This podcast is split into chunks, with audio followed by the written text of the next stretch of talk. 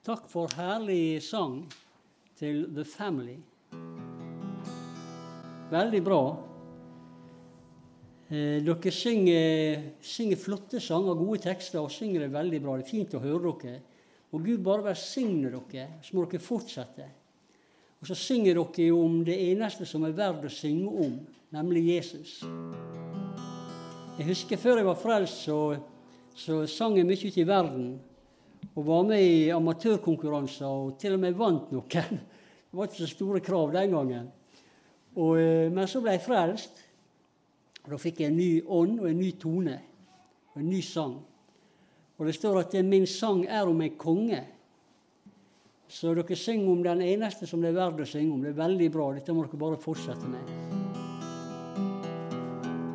Vi har, vi har hørt her, eller vi har vært med på barnevelsignelse, og det er er jo et eh, uttrykk for Guds kjærlighet til barna og til oss alle sammen. Og denne første sangen her, den skrev eh, han Ole Sandvik når han var forstander i Ålesund. En av mine første forstandere. Den handler om Guds kjærlighet. Den er sånn.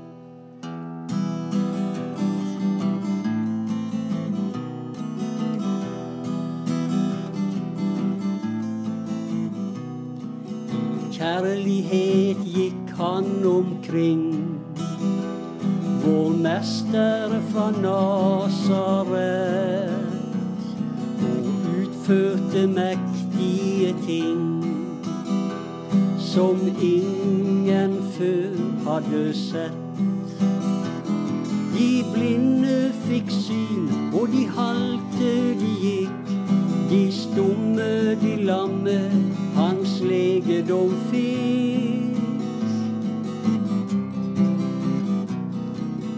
kjærlighet gikk han omkring. I Kjærlighet kjempet han der. Han svettet til jorden som blod. Der mellom de mektige trær det veldige slaget sto som han elsket av sorg sovnet inn, mens tårene rant over mesterens kinn.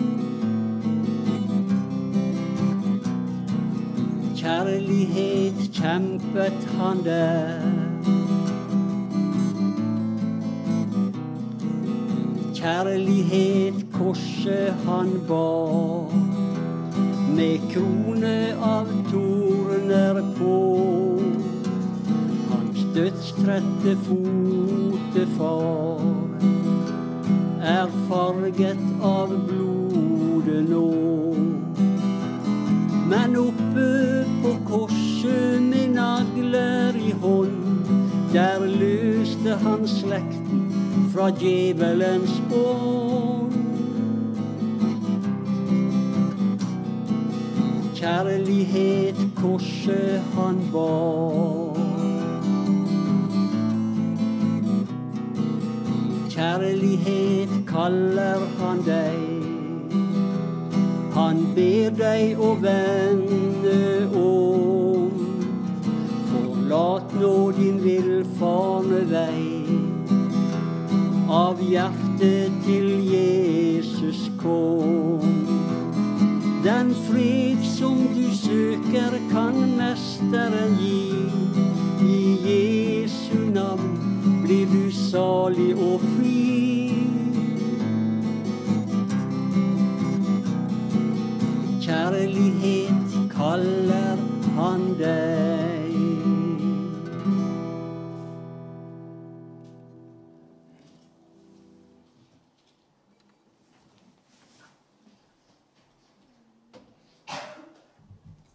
Det var en uh, Ole Sandvik. Han er i himmelen, men han uh, har etterlatt seg noen gode spor gjennom bl.a. sangene sine. Vi skal uh, slå opp i apostelgjerningene. Hvis du har med Bibelen, så skal vi lese fra vers fra kapittel 4. Apostelgjerningene, kapittel 4. Vi ber litt før vi, før vi leser. Herre, vi priser deg for ditt nærvær her nå, Jesus. Takk at det er godt å komme sammen og opphøye det, her, og prise og tilbe ditt fantastiske navn, Jesus. Hadde ikke det vært for det, så hadde ikke vi vært der, og vi hadde vært på helt feil vei, Herre. Men nå har vi fått møte det, og så er vi kommet inn på himmelveien. Vi priser deg for det, Herre, og vi takker deg for at du er her nå midt iblant oss. Og så ber vi om at du skal åpne ordet for oss nå, sånn som bare du kan gjøre det, Herre. La det bli ord som går inn i vårt liv, og la det bli mening, Herre. Og la det bli til din opphøyelse i Jesu navn. Amen. Apostelgjerningene 4, vers 13 i Jesu navn. Men da de så Peters og Johannes' frimodighet og fikk vite at de var ulærte legmenn, undret de seg, men de kjente dem igjen at de hadde vært sammen med Jesus. I dag skal vi snakke om å være sammen med Jesus. Det, er sånn at det, Vi har lett for å tenke at det var lettere for disiplene å være sammen med Jesus enn oss, enn det er for oss. For uh, han er jo ikke her, men han var jo der. Han var der fysisk, og de kunne være sammen med han, prate med han, kommunisere, rett og slett, ha kontakt med hverandre. Og det var lettere for dem å være sammen med Jesus enn det er for oss i dag. Sånn er det vanlig å tenke. Eh, det blir sånn som f.eks. hvis jeg eh, sier at jeg traff han Magne ute i byen en dag. Det er en sommerdag. Og så sier vi vi går bort på stuen og tar en softis. Halleluja. Det er herlig. Og så eh, går vi bort på, soft, på stuen og setter oss på en benk og spiser softis. Så er vi sammen. Vi er i fellesskap. Og så prater vi sammen der. Og så sier kanskje han Magne Dette er en tenkt situasjon. Så sier han Magne du vet jo hva jeg leste i dagen i dag. Nei. Nå er det en liten vekkelse i, Dortmund i Tyskland. Tenk så flott. 50 stykker ble frelst bare forrige uke. Oi, sier jeg. Fantastisk herlig. Så har vi fellesskap, og så kommuniserer og så skal du, skal du legge merke til at du tar preg av dem du er sammen med. For den lille praten der ville satt preg på mine nærmeste timer ut gjennom den dagen. Når jeg kommer hjem til Birgit, så kanskje jeg sier eh, Vet du hva Magne fortalte meg? Nei.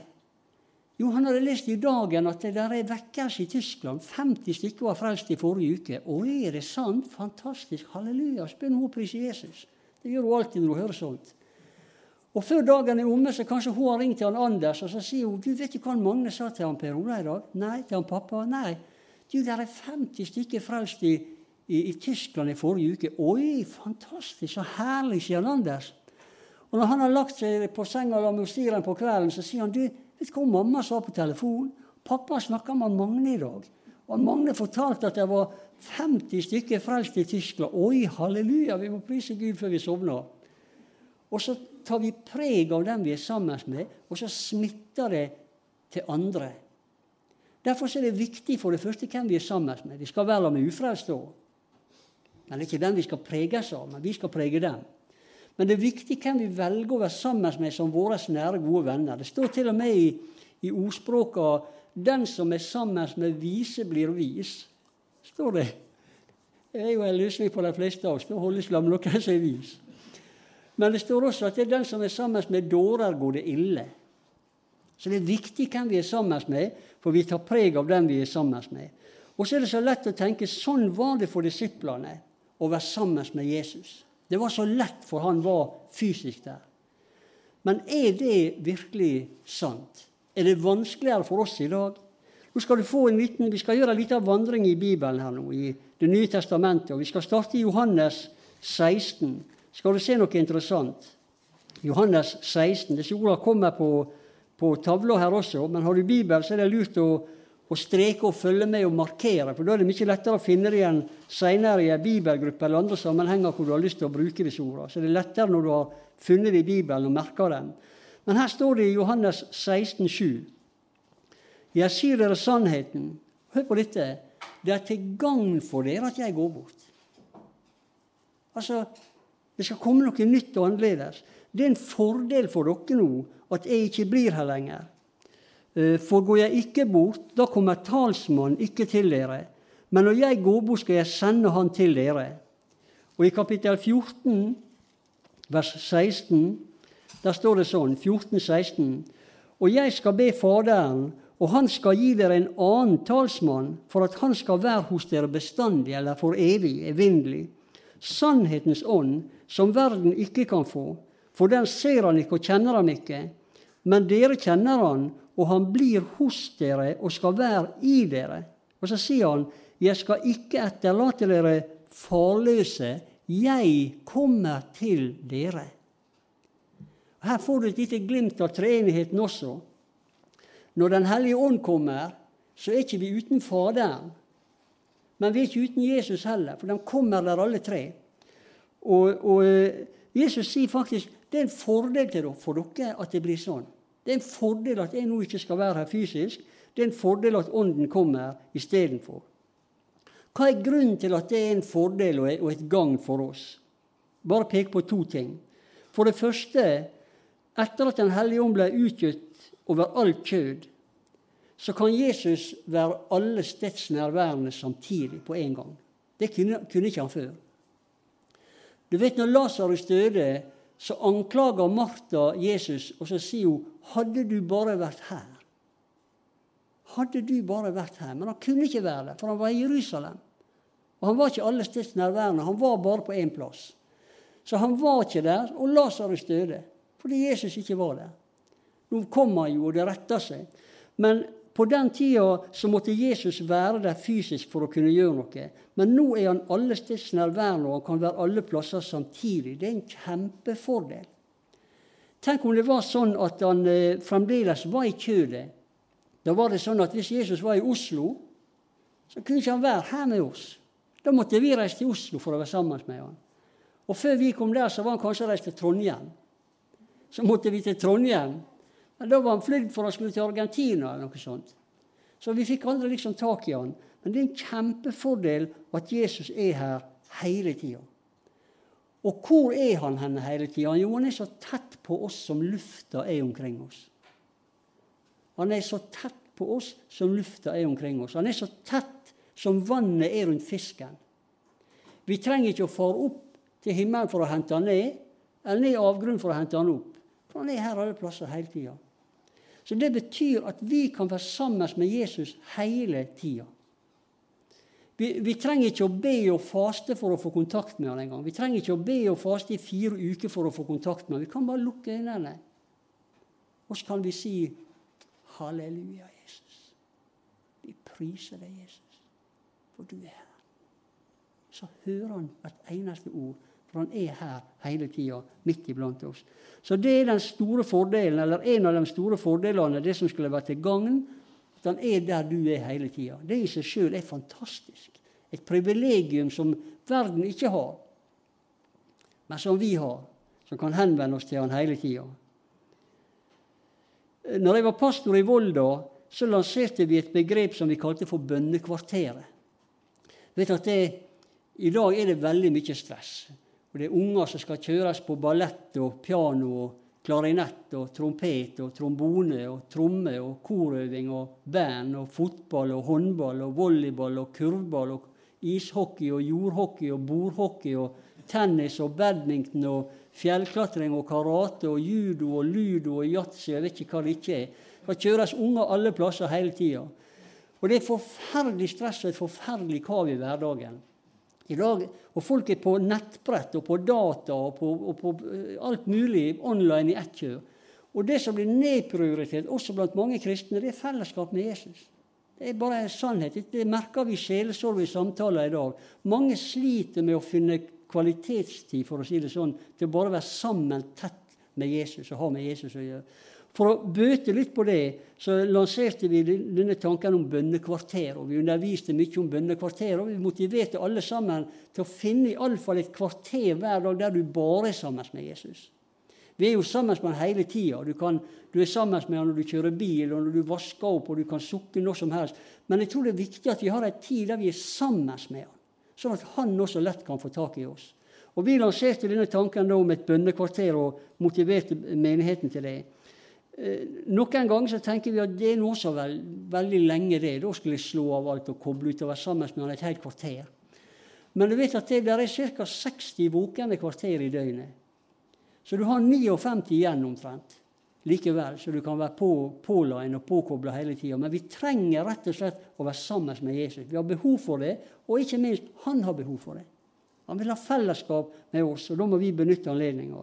Og så er det så fint, da, som jeg sa, vi trenger ikke å faste oss inn i et sånt fellesskap. Vi er født inn som kristne mennesker. Det er der hele tida. Vi skal bare pleie det og ta vare på det og ha det fellesskapet. Men han er allestedsnærværende, og det er den ene åpenbare fordelen. da. Men så er det en annen ting også som er interessant. Og Nå kommer vi litt inn på disse åndelige, overnaturlige nådegavene som er en del av det nytestamentlige kristenlivet.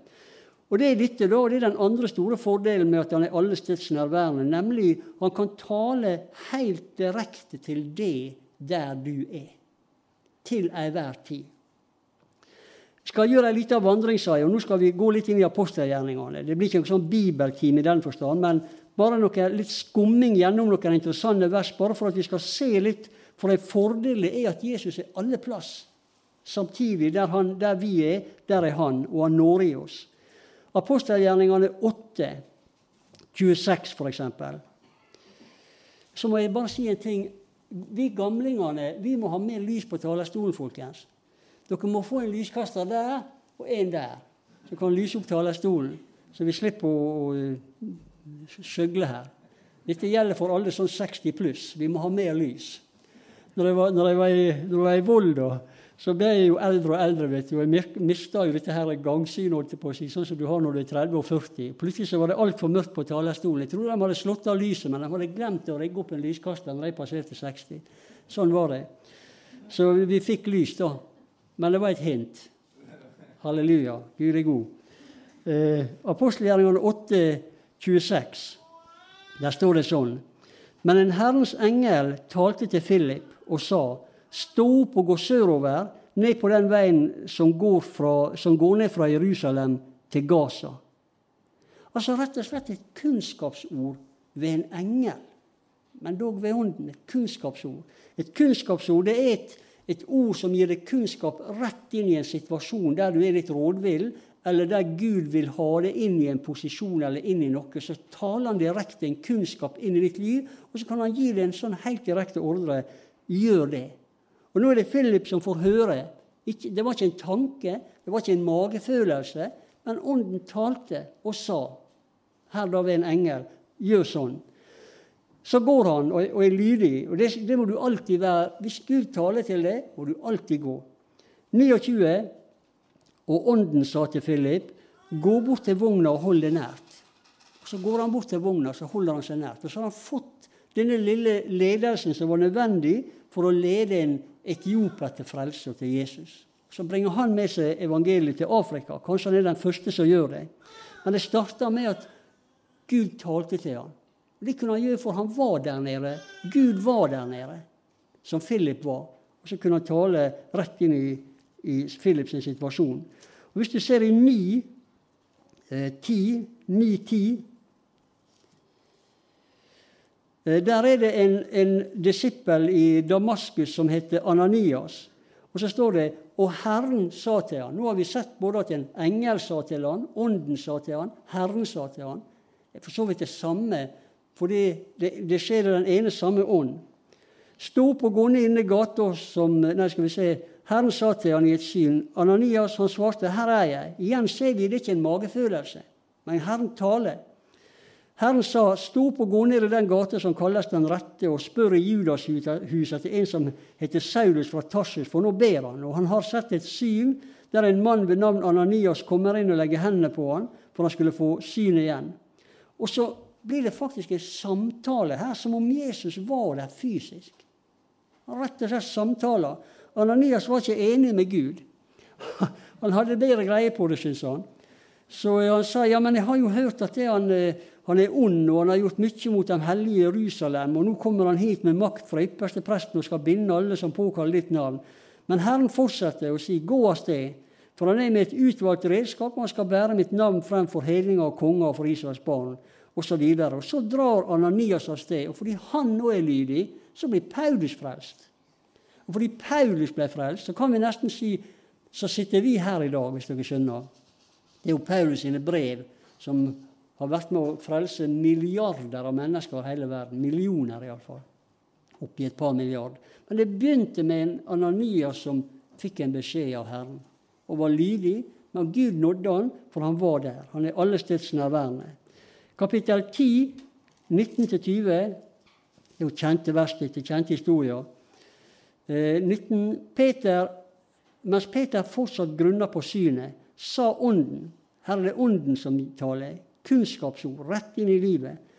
Se, tre menn står og venter på deg. Gå ned og, og dra med dem uten å tvile. Det er jeg som har sendt dem. Og så blir Kornelius hus frelst. Og så blir grannene og nabolaget frelst. Og så blir det ringvirkninger igjen. Fordi Gud var der og fikk tak i sine. Og vi tar med bare ett fra vers kapittel 18 også. Vi hopper over 13, altså. Nei, det gjør ikke vi. Vi tar med 13 òg. Eh, det står i kapittel 13, vers 2. Mens de holdt gudstjeneste og fasta, sa Den hellige ånd, ta ut for meg Barnabas og Saulus til den gjerning som jeg har kalt dem til. Da var han i Antiokia, Den hellige ånd, Han fikk tak i dem. Og i kapittel 19 så er han eh, Skal vi se 19, eh, Kapittel 18, vers 9. Kapittel 18, vers 9. Herren sa til Paulus i et syn om natten.: Frykt ikke, men tal og ti ikke, for jeg er med deg, og ingen skal gjøre deg noe, noe vondt eller røre deg, for jeg har mye folk i denne byen. Da var han i Korint, og så videre og så videre. Og der Guds folk er, der er alltid også Den hellige ånd. Og han får tak i oss akkurat der vi er. Og du skal merke det at når, når Den hellige ånd taler sånne kunnskapsord inn i livet vårt, så er det ofte bare en setning eller eller to setninger. Men det er helt tydelig. Helt tydelig. Det er ikke en følelse, det er ikke en tanke, men det er ord som Ånden taler. Første gangen jeg opplevde det, da sto jeg der, midt på 80-tallet, og spilte. Og siste sangen i, i møtet. Jon leda møtet. Og det var siste sangen i møtet. Og eh, plutselig mens jeg står Nei, det var en Arvid som leda møtet. Unnskyld. For han Arvid hadde stått her og sagt Takk skal du ha, Hans Myhrvold. Det var hyggelig at du var her med oss. Veldig interessant å høre på. Nå synger vi nummer sånn og sånn, og så er møtet over. Så gikk vi opp der og spilte. Harry spilte, og jeg spilte, og Magne var der. Og når jeg står der, så sier Den hellige ånd, helt tydelig sånn som jeg snakker til dere nå, så sier han når han Hans Myhrvold drar i dag, skal han ha med seg din tolvstrengers gitar. Kan dere huske dette? Nei, det er lenge siden. 30 år siden. Når han Hans Myhrvold drar i dag, skal han ha med seg din tolvstrengers gitar. Si Den hellige ånd, like tydelig som jeg snakker nå. Jeg husker jeg begynte å strigråte. Og jeg bare gråt og gråt og gråt og gråt.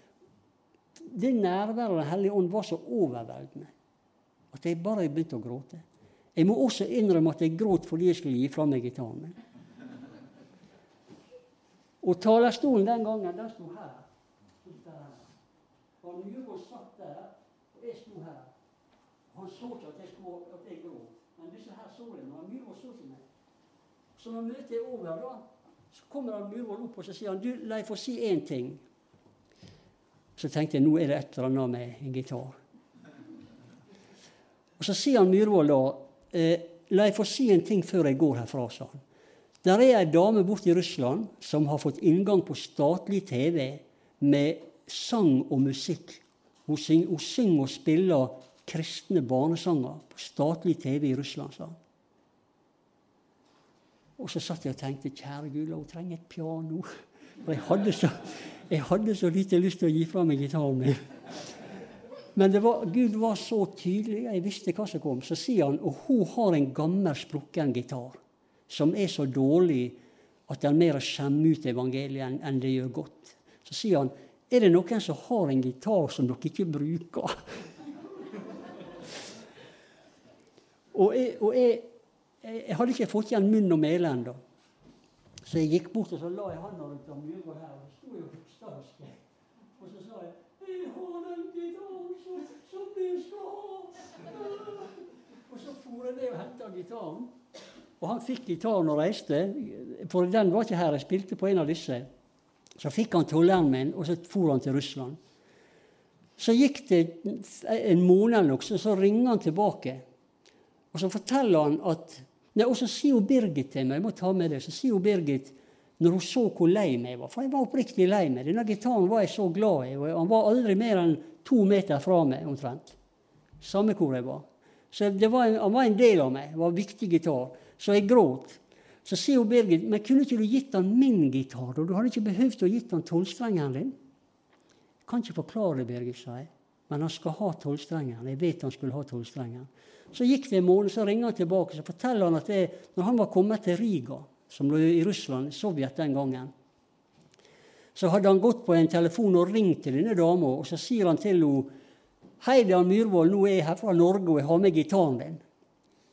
Så blir hun stille, og så sier hun Hvor mange strenger er det på? Tolv, sier han Myhrvold.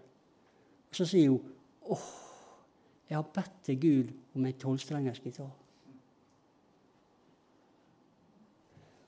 Så hvorfor taler Gud til meg? Hvorfor skal jeg få høre Guds stemme? Ikke fordi jeg er åndeligere enn noen, fordi jeg hadde en tolvstrenger. Altså Det er nåde over nåde. Hadde han Magne hatt en tolvstrenger, så hadde han talt til Magne osv. Så, videre. så det har ikke noe med hvor, hvor høyt vi er i en sånn elitegruppering av kristenheten. Men det har å gjøre med at er, er vi disponible? Har vi noe han kan bruke? Ja, vi har jo oss sjøl hele tida. Så han taler til oss helt tydelig når han trenger det. Derfor er det en stor fordel at han ikke er her fysisk, slik at han var i Oslo den dagen, men han var her på Helim. Ikke sant? Sånn er det. Han er overalt, han får tak i oss, og han når tak i oss akkurat når han må. Vi må bare være åpne for han.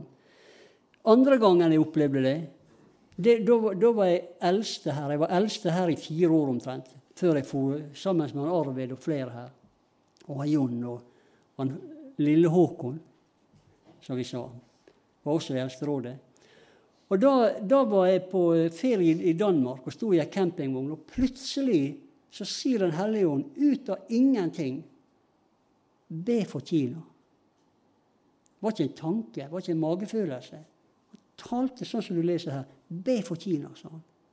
Og Jeg kom hjem og jeg tok det opp i Eldsterådet og jeg sa at jeg har fått en sterk tiltale om å be for Kina. Da laga vi en lapp, husker som vi hadde her i noen år, hvor det sto 'Be for Kina'.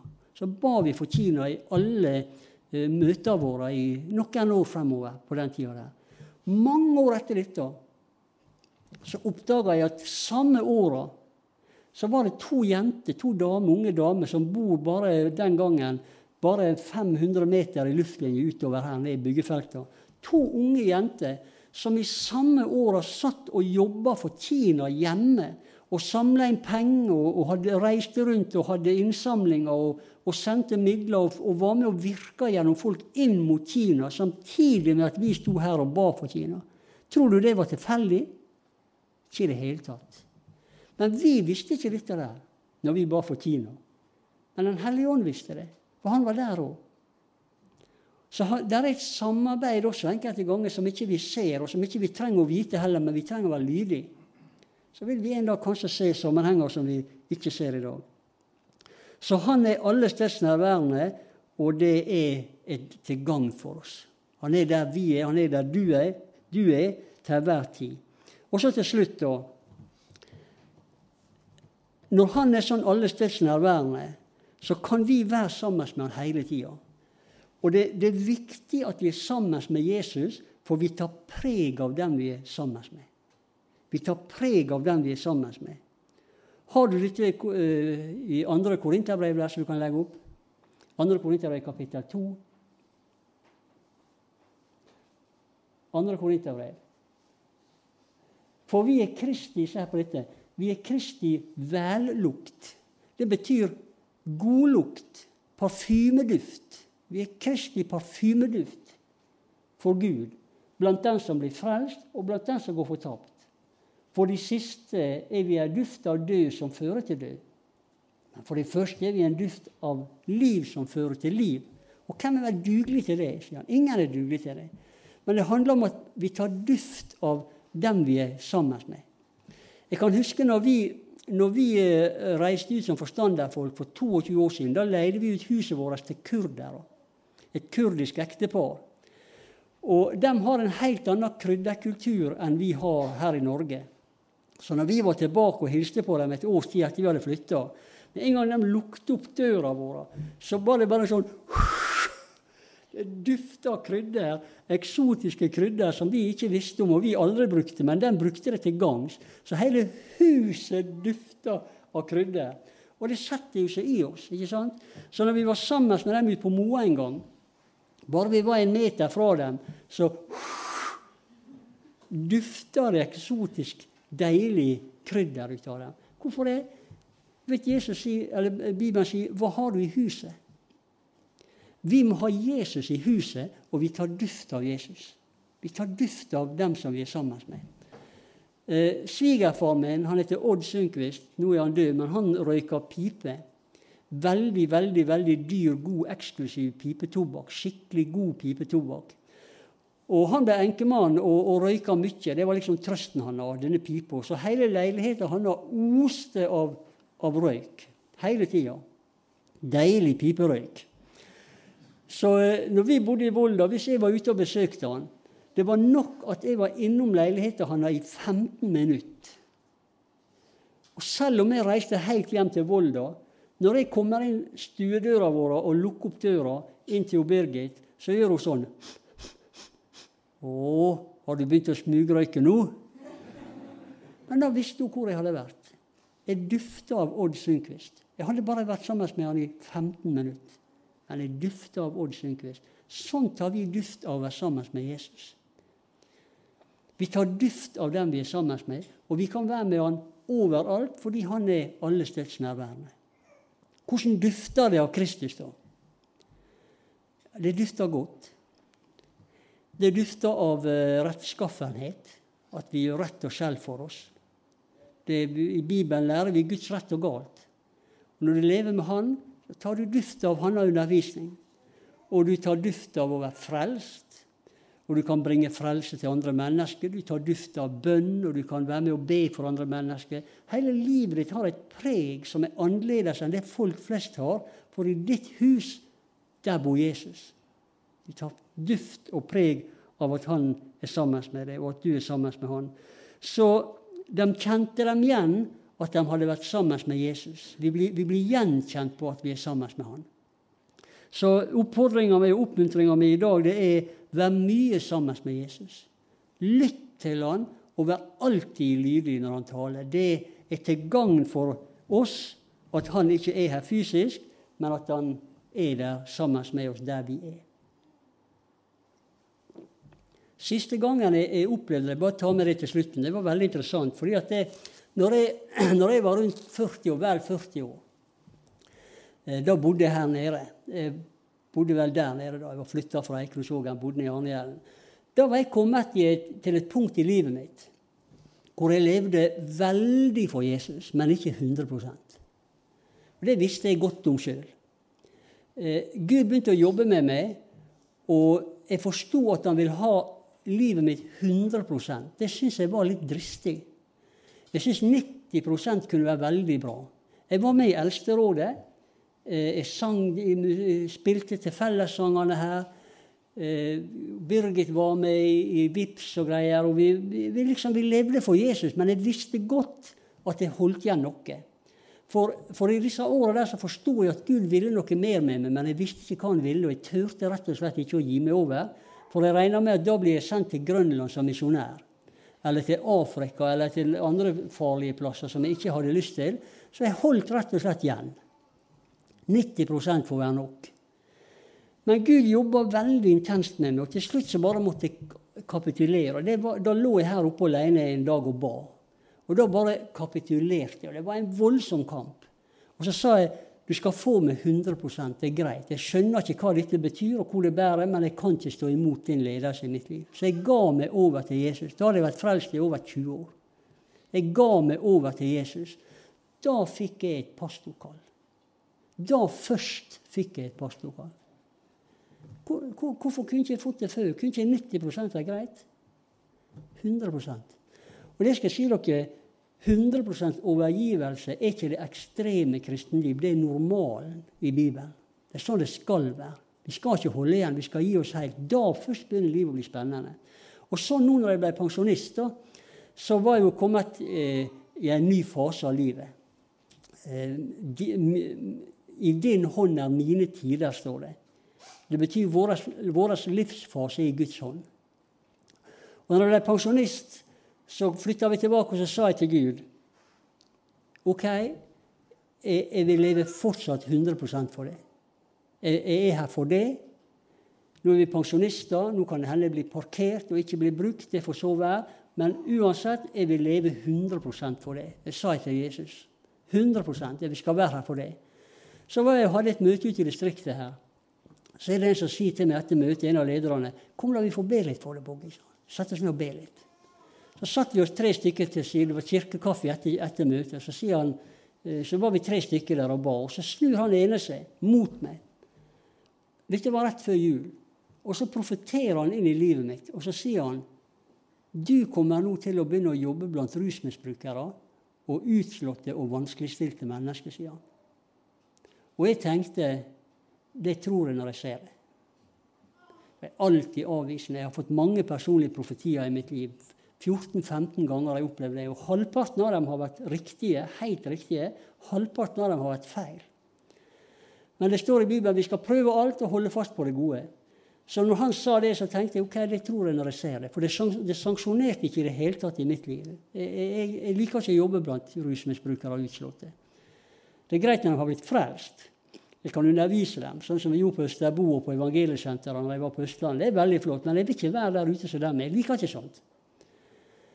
Så jeg sa til Gud hvis dette er du, så må du lede meg inn i det. Jeg kommer ikke til å ta et eneste initiativ på sånt sjøl. Bare på en sånn eh, profeti. Det gjør ikke Dette må du lede meg inn i. Da er det greit. Så går det noen dager, så kommer han Kalle Skorbrovik bort til meg og så sier han, du Poggi, jeg har tenkt på en sak. Helt fra jeg hørte du skulle bli pensjonist og komme hjem til Ålesund, så jeg tenkt at jeg skulle spørre deg, kan ikke du være med meg på suppebussen og jobbe blant disse rusmisbrukerne og vanskeligstilte og litt fattige mennesker, sa han. Og jeg tenkte Men jeg hadde sagt til Gud jeg skal gå dit du vil jeg skal gå. Så jeg sa til ham bare jeg må ta det hjem og be litt for det. sa jeg. Be over det. Og jeg visste jo at det var det det bar til. Så den som står på suppebussen på fredagene, det er jeg. Men igjen, hva er poenget? Jo, han er der, han er der vi er hele tida. Han i oss hele tida. Og når Gud taler til deg, må du aldri si nei eller lure på om du skal gå. Du må gå, for det ligger en velsignelse i enden av den linja. Det skal jeg love deg. Hensikten med våre liv det er ikke å leve for oss sjøl, det er å leve for Han. Så skal vi en dag inn i himmelen, og holdt på å si, da får vi leve litt for oss sjøl, kanskje. Jeg vet ikke det. Men det blir iallfall fantastisk. Men her lever vi for Jesus, og Han når i oss der vi er. Så må vi bare være ærlige og ydmyke for Han og ta imot det Han har å gi, og gå når Herren sier gå. Det er det viktigste av alt. Kan du synge en sang til?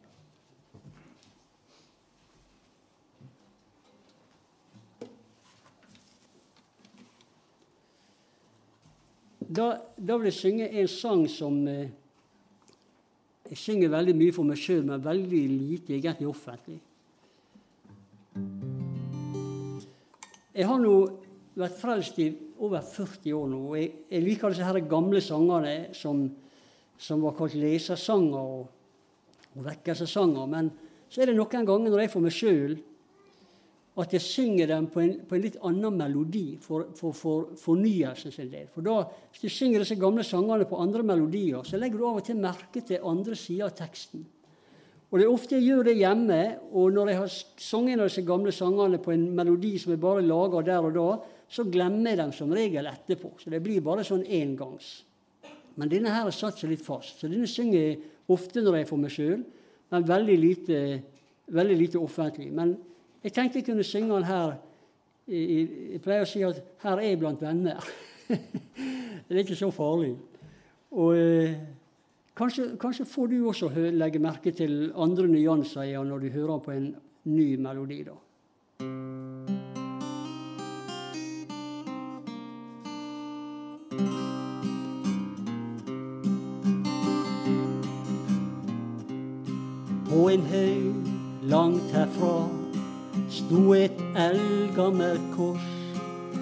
Tegnet på smerte og skam. Og jeg elsker det kors, hvor det beste jeg vet, ble for verden et skyldofferland. Jeg vil elske det eldgamle kors. Ved dets kraft skal jeg seirende stå. Jeg vil klynge meg fast til dets stam. Inntil hisset jeg kronen skal få.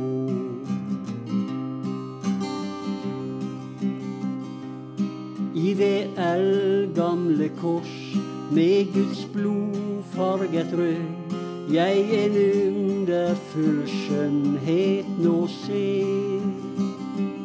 For det var på det kors han betalte min skyld, så ei noe fordømmer meg med. Jeg vil elske det eldgamle kors. Ved dets kraft skal jeg seirende stå. Jeg vil klynge meg fast til dets stam. Inntil hisset jeg kronen skal få.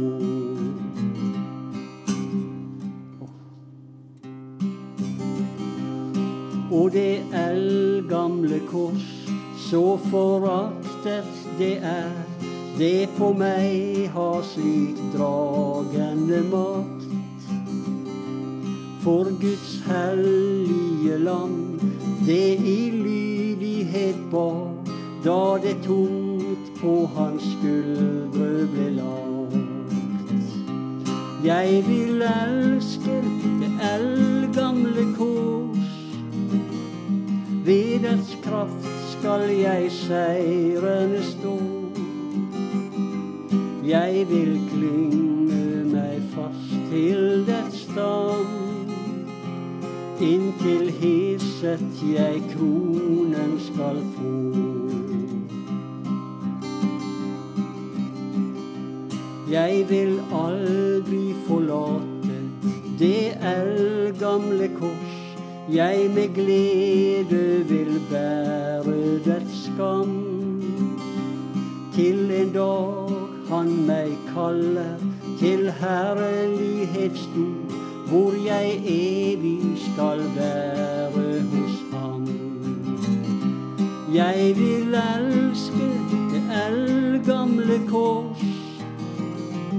Ved dets kraft skal jeg seirende stå. Jeg vil klynge meg fast til dets stam. Inntil hiset jeg kronen skal få.